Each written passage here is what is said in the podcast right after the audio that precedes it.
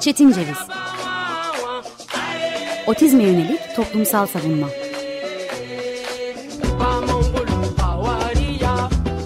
Hazırlayan ve sunan Deniz Yazgan. Zorlu Holding Sürdürülebilirlik Platformu Akıllı Hayat 2030 herkes için daha yaşanabilir bir dünya diler. Merhabalar, 95.0 Açık Radyo'ya, uzaklardan bağlanmaya, Biricik Radyomuzu, radyomuzun yokuşunu ve çıkmazlarını çok çok özlemeye devam ediyoruz. Ben Deniz Yazgan, bugün 22 Eylül 2021 Çarşamba, toplumsal savunma ilkelerini varoluşun çeşitli hallerinden, otizm ve nöroçeşitlilik üzerinden tartışmaya devam ediyoruz. Geçtiğimiz haftalarda paralimpik ve olimpiyat oyunlarında, paralimpik ve olimpik oyunlarda daha doğrusu otistiğin yerini, nöroçeşitliliğinin ve farklının yerini konuşmuştuk. Bu hafta okulların yeni açıldığında göz önünde bulundurarak eğitim, öğretim ve otizm başlığıyla 5N 1K metoduyla belki de otistiğin kim tarafından, nerede, niçin, nasıl, ne zaman istenmediğini, bu istenmeme halinin eğitim öğretim yılına, sınıflara vurgunluğunda neler yaşandığını konuşmak istiyoruz. Yaklaşık bir buçuk sene sonra ve özellikle uzaktan eğitime uyum sağlayamamış otistik bireyler için gerçekten eğitimsiz kalınan bir buçuk senenin sonunda tüm öğrenciler okula yüz yüze eğitim görmek üzere geri döndü. Peki bu geri dönüşte özellikle akut haftalar olarak bilinen bu ilk iki haftada neler yaşandı? Bugün sizlerle bu önemli ve belli bazı açılardan tedirgin edici soruyu anaokulundan liseye dek incelemek istedik. Çünkü üniversite dediğimizde artık bir eğitim öğretim yılından ya da Milli Eğitim Bakanlığı'na bağlı bir sistemden değil, YÖK'e bağlı bir sistemden bahsediyoruz ve bununla birlikte Türkiye'de halen ve halen üniversite dengi veya üniversite derecesinde eğitim gören otistik sayısı çok az. Bu konuya dair araştırmaları yapmaya devam ediyoruz. Ancak belki ilk aşamada anaokulu, ilkokul, ortaokul ve liseden başlamak, bundan sonraki aşamalarda e, bir uzmanımız da dinledikten sonra eğitim alanına ve e, Milli Eğitim Bakanlığı'na bağlı olarak eğitim alanına bir uzmanımız dinledikten sonra e, üniversiteleri, üniversitelerin yönetmeliklerindeki otizmin yerini ya da böyle bir yerin olup olmadığını konuşabiliriz belki de. Şimdi en iyisi yeni teşhis almış, yeni tanı almış veya ön tanı almış ve veya ebeveynlerinin uzmanlara danışmalarının ardından otistik olabileceğine ihtimal veren bir çocuğun, bir yumurcağın 3 e, veya 4 yaşındayken okulla tanışma hikayesine dönelim. Özellikle 6 Eylül 7 Eylül arasında e, büyük bir e, mesaj bombardımanına tutuldu. Otizm odaklı, nöroçeşitlilik odaklı e, dernekler, sivil toplum örgütleri. Çünkü e, çocuğunu okula yazdıran ve eğitim görmesi için heyecanlı olan aileler belli bazı hüsranlarla karşılaştı. Anaokulu seviyesinden konuşmamız gerekirse. İlk başta daha doğrusu. Bu noktada yaşanılan hüsranın en önemli sebebi okulların altı bezli çocuk almadıklarını iddia etmeleri yönündeydi. Bu elbette hem aileler için hem de söz konusu çocuklar için özgü bir konu. Mahremiyeti ve e, bir çocuğun mahremini çok çok ilgilendiren bir konu. O yüzden e, herhangi bir konu özelinde değil, mevzuatın ne dediğine bakarak biraz daha soyut boyutta incelemenin e, hem bu yönde problemler yaşayan aileleri tetiklemeyeceğini hem de e, uygun düşeceğini, mahremiyeti ve kişisel verileri de aslında göz önünde bulundurarak e, daha uygun bir tartışma alanı yaratacağını düşünüyoruz. Örneğimizde anaokuluna başlamış, otizm teşhisi almış veya ailesi tarafından uzmanlara danışıldıkça otistik olabileceği algılanmış ve bu noktada tuvalet eğitimini e, tipik gelişen öğrenciler veya çocuklardan daha farklı bir şekilde alan bir öğrenciden söz edelim. Bu noktada mevzuatınız ne der sorusu bizi hayal kırıklığına uğratmıyor. Bunu söyleyerek başlayabiliriz. İlk önce belki de 7 Temmuz 2018 günlü ve 30.471 sayılı resmi gazetede yayınlanan Özel Eğitim Hizmetleri Yönetmeliği'nin 34. maddesinin 6. fıkrasına bakabiliriz. Der ki bu fıkra, bu madde. Özel eğitim ihtiyacı olan bireyler için gündüzlü özel eğitim okullarına kayıtta tuvalet eğitimini kazanmış ol olma şartı aranmaz. Bununla birlikte 26 Temmuz 2014 günlü ve 29.072 sayılı Milli Eğitim Bakanlığı okul öncesi eğitim ve ilköğretim kurumları yönetmeliğinin 18. maddesinin ikinci fıkrası A bendi uyarınca kayıtları yapılan çocukların kuruma günlük eğitime aksatmayacak şekilde devam etmelerinin sağlanması esastır. Ancak özel eğitim ihtiyacı olan çocuklar ile özel yetenekli çocukların sosyal e- uyum ve gelişim özelliğine göre bireyselleştirilmiş eğitim programı geliştirme biriminin kararı ile günlük de devam sürelerinde esneklik sağlanır. Evet bir e, çırpıda bir nefeste okuduğumuzda e, belli bazı boşluklar da olabildiğini görüyoruz. Aslına bakarsak bir yönetmeliğin herhangi bir konuda bir çocuğun eğitimiyle ilgili düzenlenen bir yönetmeliğin hiçbir boşluk ve yorum farkı yaratmaksızın dolu olmasını bekleyemeyiz. Neden bekleyemeyiz?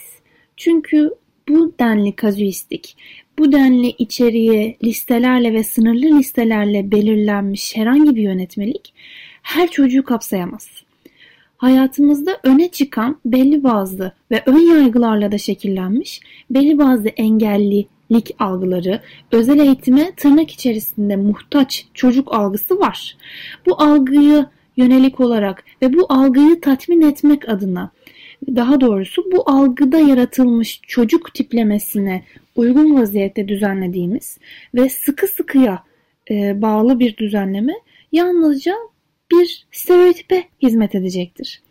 Halbuki hayatımızda her gün karşımıza çıkmayan, e, belli bazı açılardan tıbbi bağlamda da nadir hastalıklar olarak tanımlanan ve veya e, Türkiye'de ve e, uluslararası alanda e, yeteri kadar yankı yaratmamış engellilik türleri, özel gereksinim biçimleri de var.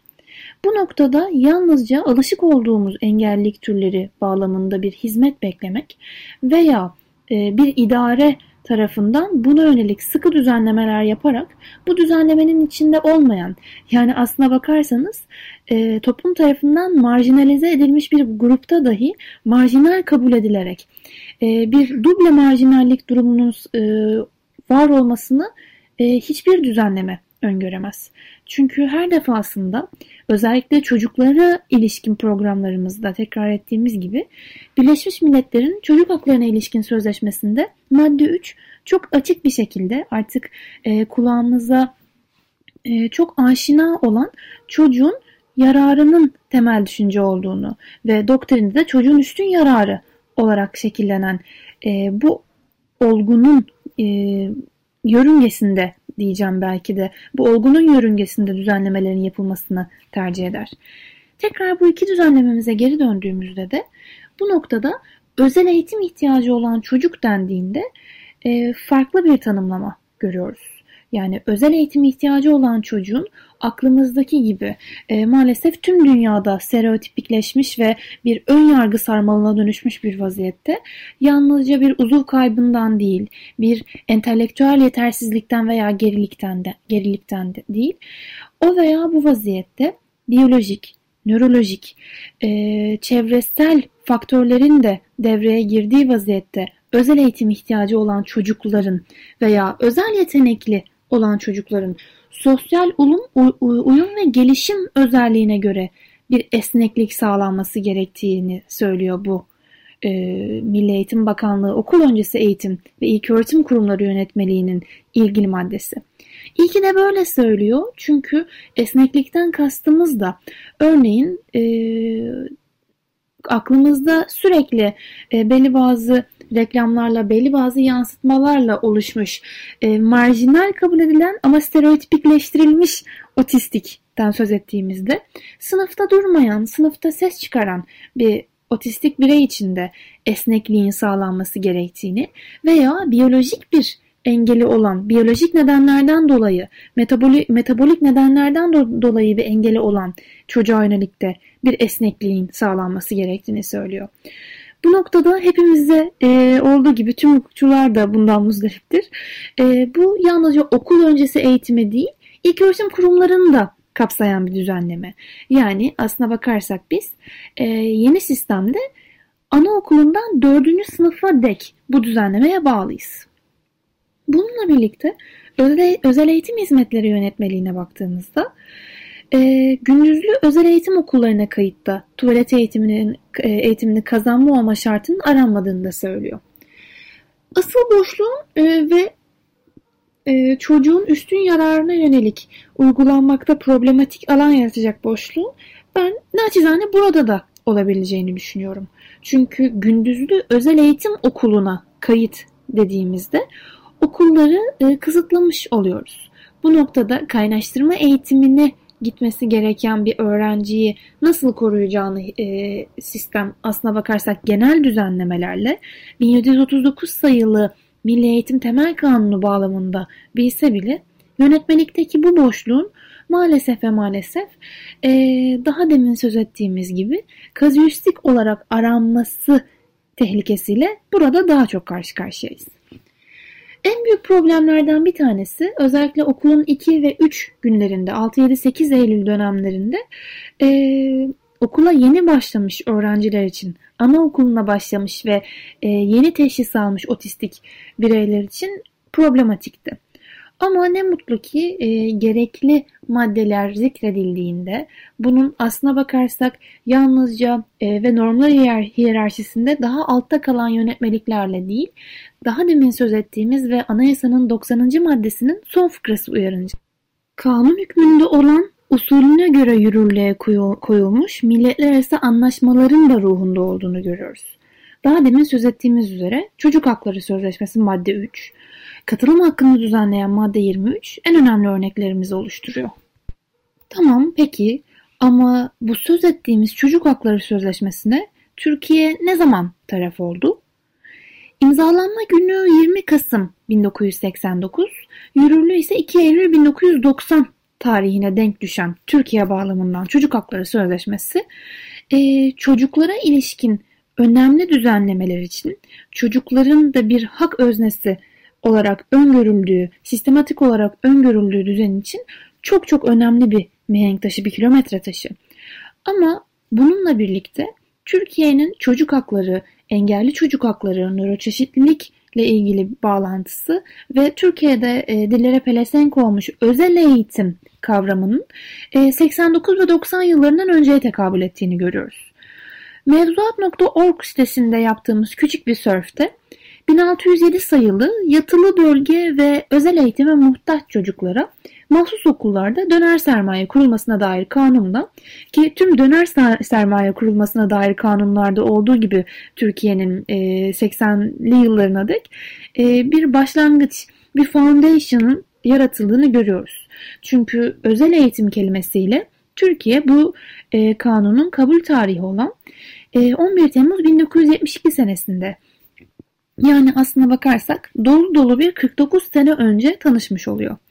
Bu kanun dediğim gibi döner sermaye kurulmasına dair e, ekonomik ilişkileri değerlendiren, ilgilendiren daha doğrusu bir kanun. Ama özel eğitime muhtaç çocuk kavramının var olduğunu ve 49 sene içerisinde attığımız adımlarda biraz tedirgin edici bir yavaşlık olduğunu belki de bu sermaye kanunundan dahi görebiliyoruz. Çünkü özel eğitim kavramına birden fazla tanım yapıyoruz, birden fazla kanunda. Biraz da bunları inceleyelim diyerek bu sıra esnasında, bu sıra dahilinde daha doğrusu özel eğitim kelimesinin e, mevzuatça nasıl yorumlandığına yönelik sörfümüze devam ettim mevzuat.org'da. Örneğin e, resmi gazetede 6 Haziran 97 yılında yayınlanan özel eğitim hakkında kanun hükmünde kararnamede bir tanımlar bölümü var. Neredeyse bütün e, mevzuatımıza hükmeden üçüncü maddelerin tanımlar e, maddesi olması gibi. Ve özel eğitim şu şekilde tanımlanıyor.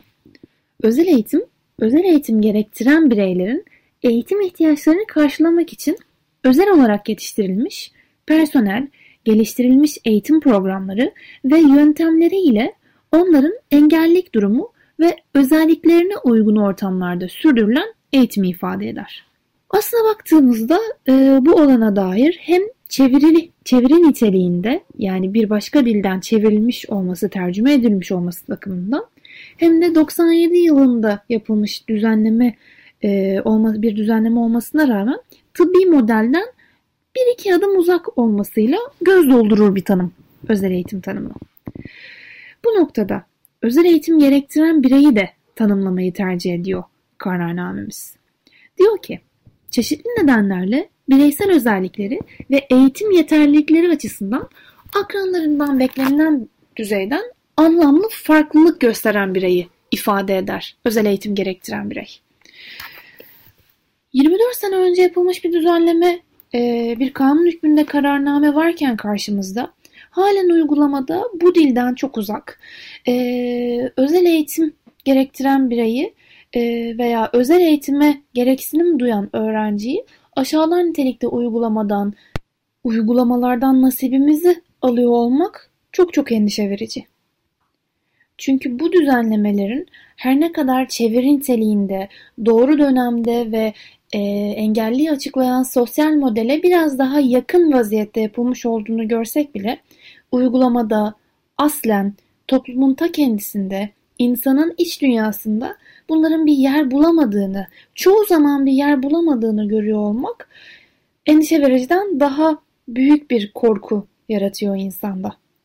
Çünkü evet 24 sene önceki düzenlemede Haziran 97'de yapılmış düzenlemede mutluluk verici bir şekilde farklılık gibi e, akranlarından beklenilen düzeyden anlamlı farklılık gibi çeşitli nedenlerle gibi kapsayıcı ve e, o veya bu vaziyette bir seviyeye, skalaya tabi tutmadan bir açıklama yapıldığını görürken çok çok yakın dönemde çıkarılmış 7 Temmuz 2018 günü e, günlü resmi gazetede yayınlanmış özel eğitim hizmetleri yönetmeliğinin tanımlar kısmında bundan çok daha uzak ve gerek otizmi biraz daha otizm odaklı bir e, özel eğitim e, bir özel eğitim yönetmeliğiyle karşı karşıyayız.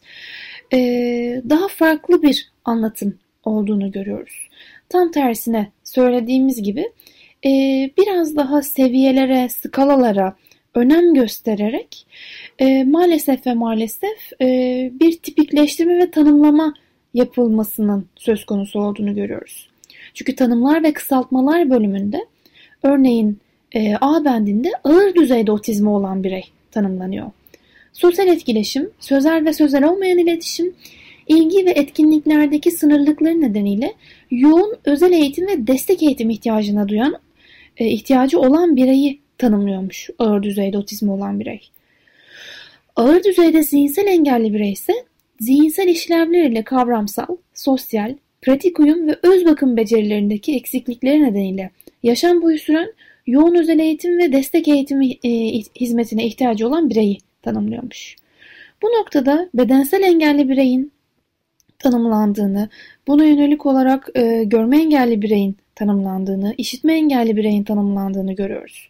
Yani aslına bakarsak e, özel eğitim hizmetleri yönetmeliğinin 24 sene önceki sosyal modele yakınlıktan çok daha fazla uzaklaşarak tıbbi modele yaklaştığını ve dualist bir sistem öngörerek kişileri e, sınırlılıklarıyla, farklılıklarıyla değil, sınırlılıklarıyla tanımladığını görüyoruz.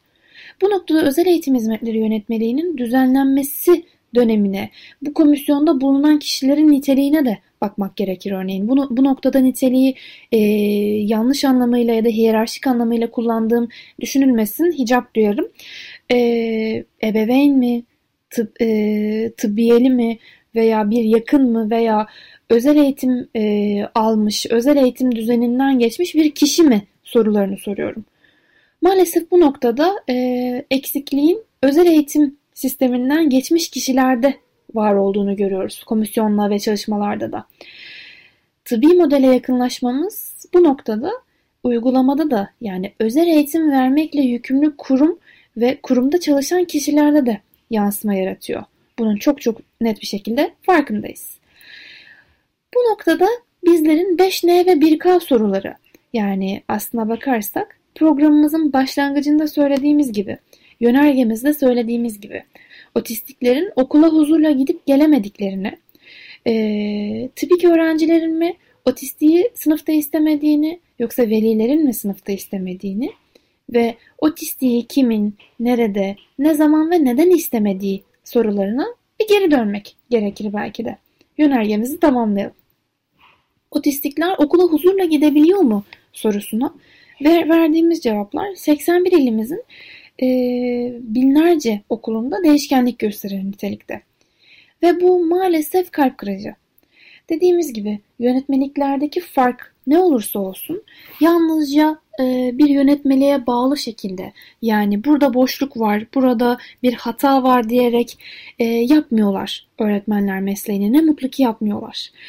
E, özveriyle, e, kapsayıcılığın bilincinde olan, kaynaştırma ve bütünleştirme fa- faaliyetlerinin e, bilincinde olan öğretmenlerimizle çalışan öğrencilerin fazla zorluk yaşamadıklarını, yaşanılan zorluğun kim sorusunda tekrar geleceğimiz gibi kimi zaman akran zorbalığından, kimi zaman velilerin e, engelliye yönelik ayrımcı bir bilince sahip olmalarından kaynaklandığını görüyoruz. Ama okula huzurla gidebilmenin otistikler gibi çok geniş bir soruyla sorulduğunda bu soruya gönül rahatlığıyla evet diyebilmemiz için çok çok uzun bir zaman olduğunu biliyoruz. Her Eylül ayında olduğu gibi aileler e, özellikle dönümlerde yani anaokulu başlangıcı, birinci sınıf başlangıcı, ortaokul, lise başlangıç dönemlerinde aileler büyük bir tavrımar, e, büyük bir e, psikolojik e, hasar da görüyorlar. Örneğin e, X koleji telefonla bir aileyi, bir ebeveyni aradığında okula kayıt edilmesini istediklerinde ''Aa yalnız benim çocuğum otistik'' yanıtını aldıklarında hiçbir şey söylemeksizin de telefon suratlarına kapatılabiliyor. Veya çocuğun otistik olduğunu öğrenen e, okul idaresi, sorumlular, öğretmenler e, sınıfta sorun çıkarıldı, çıkarılabileceğine yönelik henüz bir sorun yaşanmasa dahi veya sorun olarak tanımlanan şeyin modern eğitim düzeninde veya öğrenci-öğretmen ilişkileri bağlamında e, bir katı hiyerarşiyle birlikte e, mutlak disiplini gerektiren sorunlar olduğunu yani aslına bakarsak e, hoşgörüyle veya kapsayıcılık bağlamında karşılanabileceğini görmezden gelerek yaklaşımlarda da karşılaşabiliyoruz. Bu noktada otistik bireyin veya engelli bireyin veya tamamen e, özel eğitim gereksinimi gösteren farklı gelişen bireyin huzurla okula gidebildiğini 5N ve 1K sorularını yanıtladığımızda hayır diye cevaplamak halen mümkün gözüküyor. O sorulara geri dönelim. Ya da e, tipik öğrenciler mi otistiği sınıfta istemeyen, veliler mi sorusuna. Yani otistiği kim istemiyor? Çoğu zaman öğrencilerin eğitimi e, öne sürülerek veliler tarafından istenmiyor. Veya öğrencilerin, e, tipik gelişen öğrencilerin bir kaynaştırma sınıfından söz ediyorsak örneğin, tipik gelişen öğrencileri de geri düşürebileceğini söylüyorlar. Peki bu ne kadar doğru? Veya ilkokul ve ortaokul derecelerinde mutlak bir disiplin ve mutlak bir dikkat istemek, bunu tipik öğrencilerden bile istemek ne kadar doğru? Bu sorulara verdiğimiz cevaplar e, eğitimden ne algıladığımıza, e, tipik olan eğitimden ve skalalara biraz daha tabi olan eğitimden ne beklediğimizi, bir çocuğun bu eğitim düzenine nedenli uyum sağlamasını istediğimize e, verdiğimiz cevaplara göre değişiyor. Maalesef bu hala daha kişisel bir sorun. Daha doğrusu bir soru cevap ilişkisi. Ama otistiği kim istemiyor ve sınıf özelinde kim istemiyor diye sorduğumuzda bu soruya öğrencilerden daha çok veliler cevabını vermek durumunda kalıyoruz. Hatta veliler demeyelim, yetişkinler istemiyor cevabını veriyoruz. Çocukların acımasız olduğu ve çocukların dışlayacağı söylenerek herhangi bir dışlama faaliyeti olmaksızın veya bu dışlama faaliyetinin, dışlama hareketinin ya da söyleminin önüne geçilemeyeceği düşünüldüğü için böyle bir faaliyet olmaksızın e, bile bu şekilde yetişkinler tarafından söylendiğini görüyoruz. Peki otistiği nerede e, kim istemiyor, kim nerede istemiyor diye baktığımızda eğitim, öğretim ve otizm başlığı altında evet sınıfta da istenmediğini görüyoruz. Ama bu e, çok çok kez belirttiğimiz üzere bir teleskopik ayrımcılığın ürünü. Yani zaten ilk önce komşu istemeyerek başlıyor. Ardından parkta oyun halinde istenmiyor otistik. Ve bu şekilde sınıfa da geldiğinde ömrünün ilk 6 yılında bir çocuğun farklı çocuk görmemesi bahane edilerek aslına bakarsak ömrünün ilk 25 ila 35-40 yılı arasında herhangi bir ortamda, kamusal alanda farklıyı görmemiş olan kişi tarafından istenmiyor otistik. Ne zaman istenmiyor soruları da çocukken, ergenken, yetişkinken e, cevaplarını almaya mahkum hala. Çünkü bu oyun halinde, komşuluk ilişkisinde, e, sınıfta istenmediğinde e, birçok açıdan sosyal e, bir trenin sosyalliği içeren vagonunu da kaçırmış oluyor otistik. Ve bu onun suçu haline getiriliyor. Yani kimin, nerede ve ne zaman istemediğine yönelik olarak bütün yaşananlar otistiğin üzerine bırakılıyor. Ardından neden sorusu geliyor belki de. Biz otistiği, farklıyı, çalışma alanımızda, varoluş alanımızda, sokakta, üst komşumuzda, o veya burada, orada veya burada neden istemiyoruz? Bu soruların cevabını 6 ayı aşkın bir vaziyette bir seri olarak yaptığımız sağlamcılıkla ilişkin, sağlamcılığa dair programlarımızda bulabiliyoruz. Çünkü halen ve halen sağlamcıyız. Halen ve halen varoluş esnamızda, e, varoluş alanlarımızda e, tırnak içerisinde keyfimizi kaçırmayacak şeylerle, benzerlerle, aynaların aynı yerde olmasına yönelik oldukça elitist bir istemle yaşamak istiyoruz. Ve buna yönelik yaşıyoruz. Buna dair kurallarla yaşıyoruz. Buna dair olmayan, bununla ilişkilendirilemeyen işlemlerde ne kadar haksız olduğumuzu farkına dahi varmaksızın, farkına varmak dahi istemeksizin yaşamaya devam etmek istiyoruz. Bir sonraki hafta eğitime ilişkin eksiklikleri ve olay bazında e, sahada yaşananları bir uzmanla görüşmek üzere. Hoşçakalın. Çetin Ceviz Otizme yönelik toplumsal savunma